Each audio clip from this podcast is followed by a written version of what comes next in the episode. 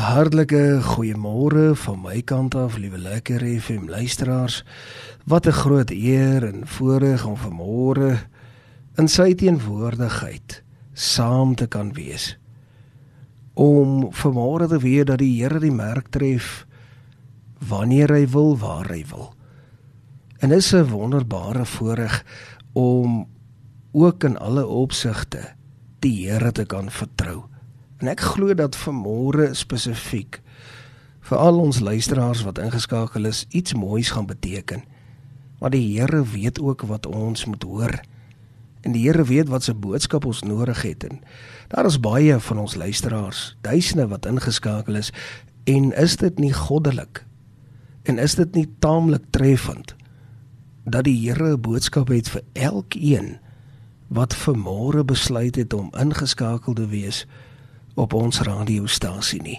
En mag jy geseënd wees, mag die gedagtes wat tot jou hart kom waarlike verandering bring. En ek weet vanmôre dat die Here op elke vlak van jou verwagting nogal taamlik vir jou sal verras.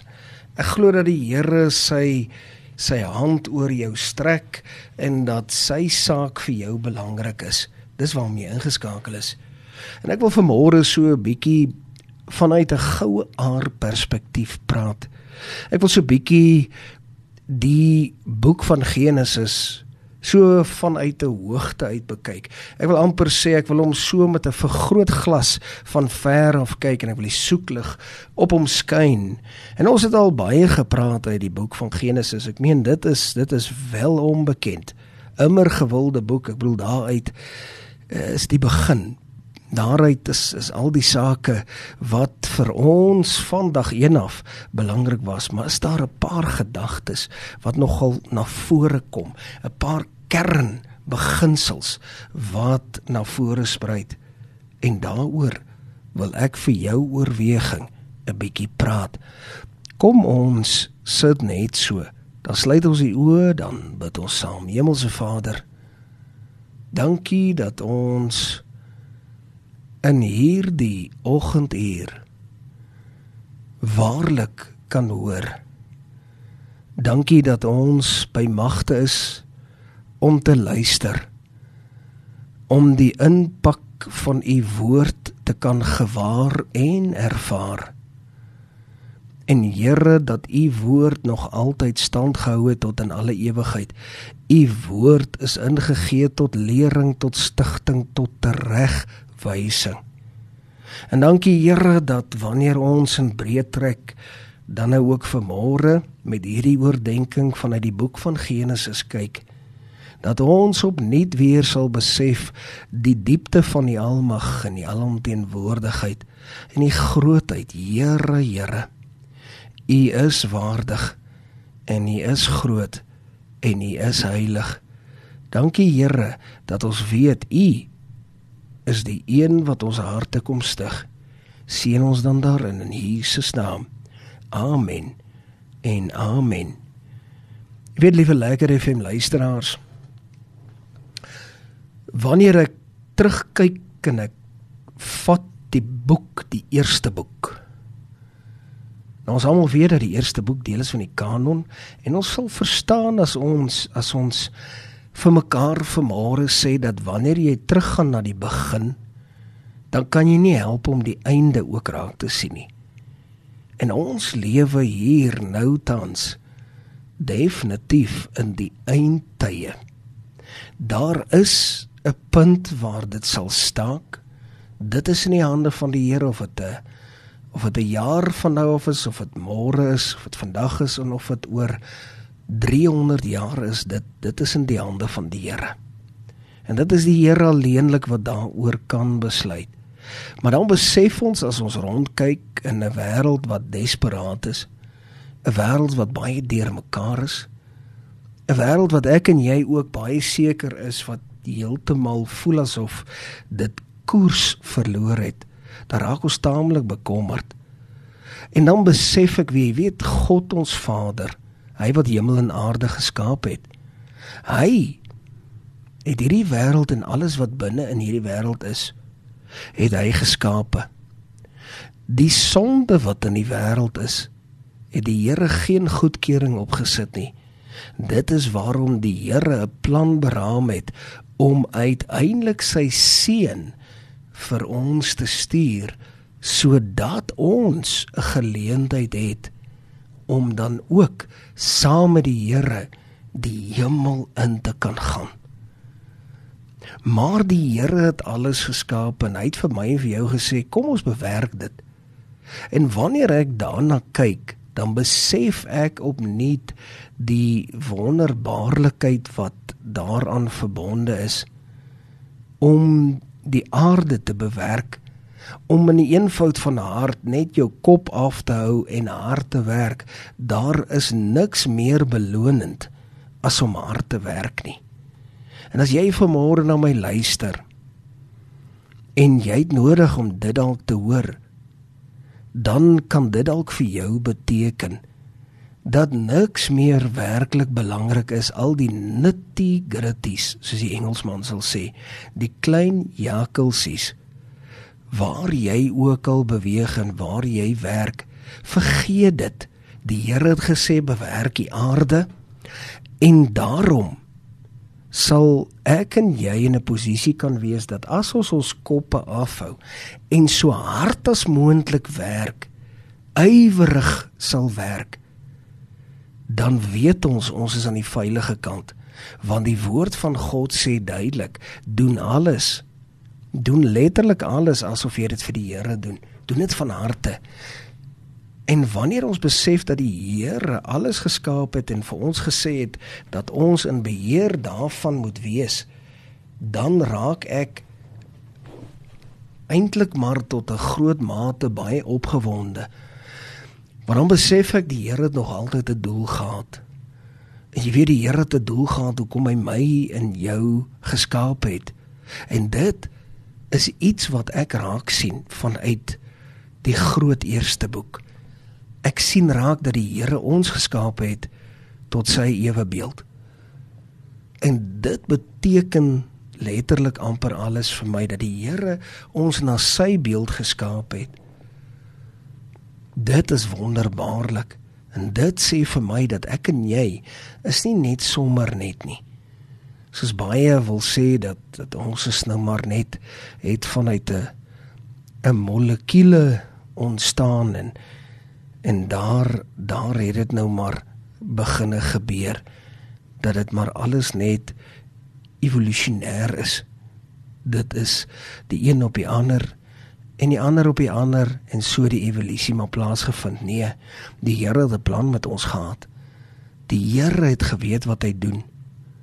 En die Here het dit goed geskape. En dit is 'n verdere goue aar wat ek sien wat uit die boek van Genesis uitspring. Die Here het 'n goue aar daarin geplaas.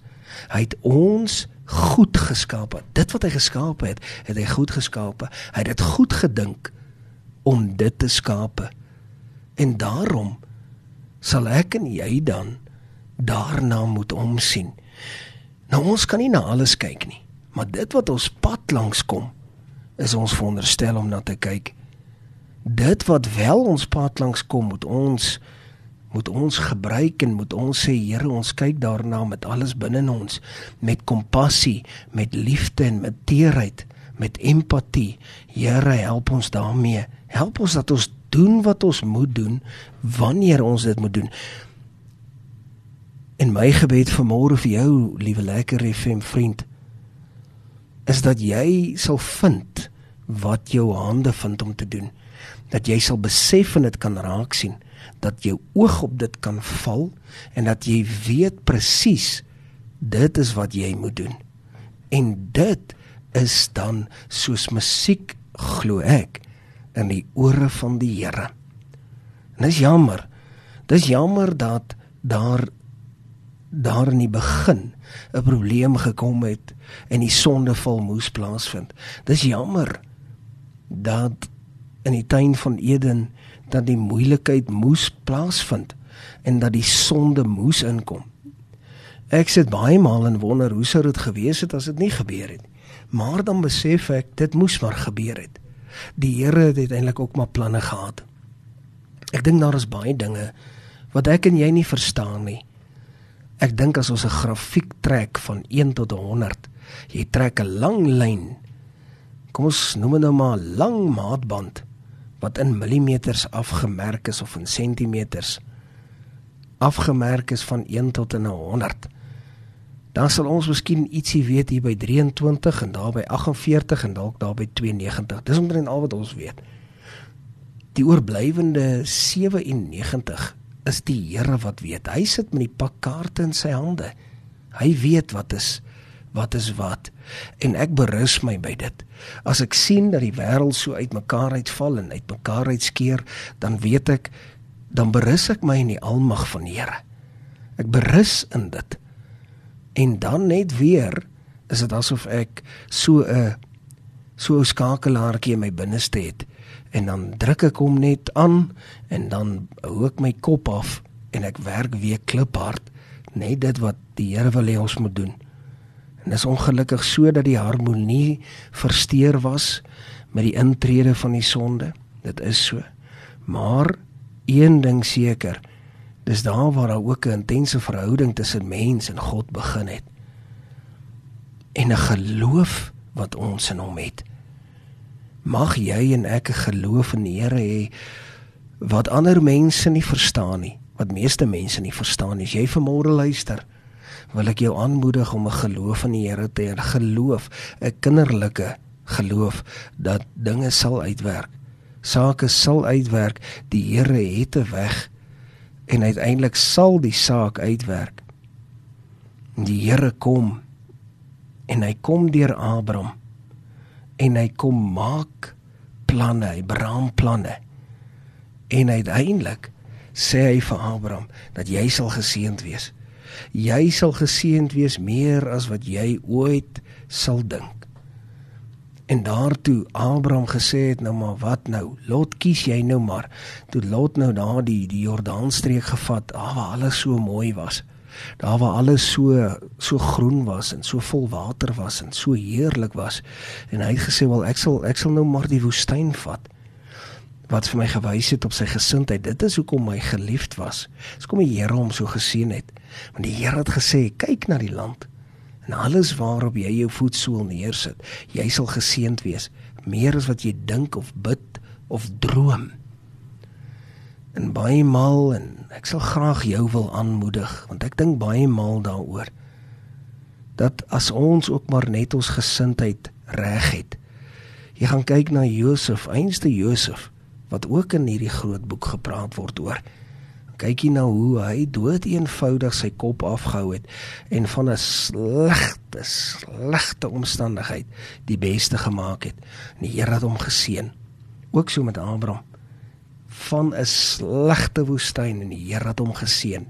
Dit beteken elke geleentheid wat jou pad langs kom, werk aan dit. Werk kliphard daaraan.